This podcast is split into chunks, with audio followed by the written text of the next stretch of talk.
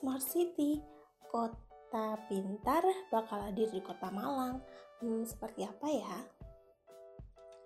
Sebuah kota bisa disebut smart city jika sudah mengintegrasikan teknologi informasi dan komunikasi hingga level tertentu dalam proses tata kelola dan operasional sehari-hari. Integrasi teknologi tersebut dimaksudkan untuk meningkatkan efisiensi, membagikan informasi kepada publik, hingga memperbaiki pelayanan kepada masyarakat ataupun meningkatkan kesejahteraan warganya. Saat ini, Smart City menjadi salah satu program yang difokuskan pemerintah Kota Malang loh, khususnya dalam hal pelayanan publik. Hmm, kalau kota ini sudah smart, segala bentuk pelayanan buat kalian masyarakat Kota Malang pasti bakal lebih mudah. Misalnya saja, kalian ingin membuat kartu tanda penduduk atau KTP, tapi males repot-repot atau merasa lokasi tempat tinggalmu jauh jika harus ke Dinas Kependudukan dan Catatan Sipil. Tenang aja, melalui aplikasi berbasis digital, nantinya semuanya itu akan beres dengan cepat. Kalian bisa saja mengunggah apa pun yang dibutuhkan untuk membuat sebuah KTP cukup dengan di rumah saja dengan mengikuti persyaratan yang ada tentunya. Dan ini tidak hanya untuk pelayanan Dinas Kependudukan dan Catatan Sipil saja loh, di dinas yang lain juga berlaku.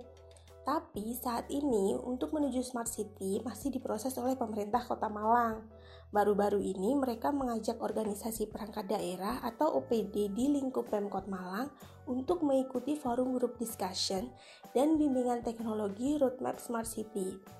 Dalam kesempatan ini, Wali Kota Malang Sutiaji menginginkan hal ini sebagai pemacu bagi mereka para OPD untuk segera menerapkan proyek ini sehingga rencana Pemkot Malang untuk menerapkan Smart City pada 2020 mendatang tidak akan terganjal kendala apa pun. Paling tidak, hal itu dimulai dari lingkup government, sehingga e-transparansi dan e-government bisa terlaksana dengan baik dan memberikan pelayanan maksimal terhadap publik ini, kata Sutiaji. Bahkan untuk mewujudkan hal itu, Wali Kota Malang bakal memberikan reward dan punishment khusus bagi OPD yang tidak menerapkan Smart City atau kinerjanya menurun loh. Hmm, punishmentnya ini nantinya berupa rompi khusus yang harus dikenakan oleh para OPD. Penilaiannya nanti akan dilakukan dengan berbasis sistem sebagai salah satu efek jerah. Jadi kalau mereka para OPD tidak menerapkan atau kinerjanya menurun, ketika apel mereka harus mengenakan rompi khusus yang akan kita siapkan.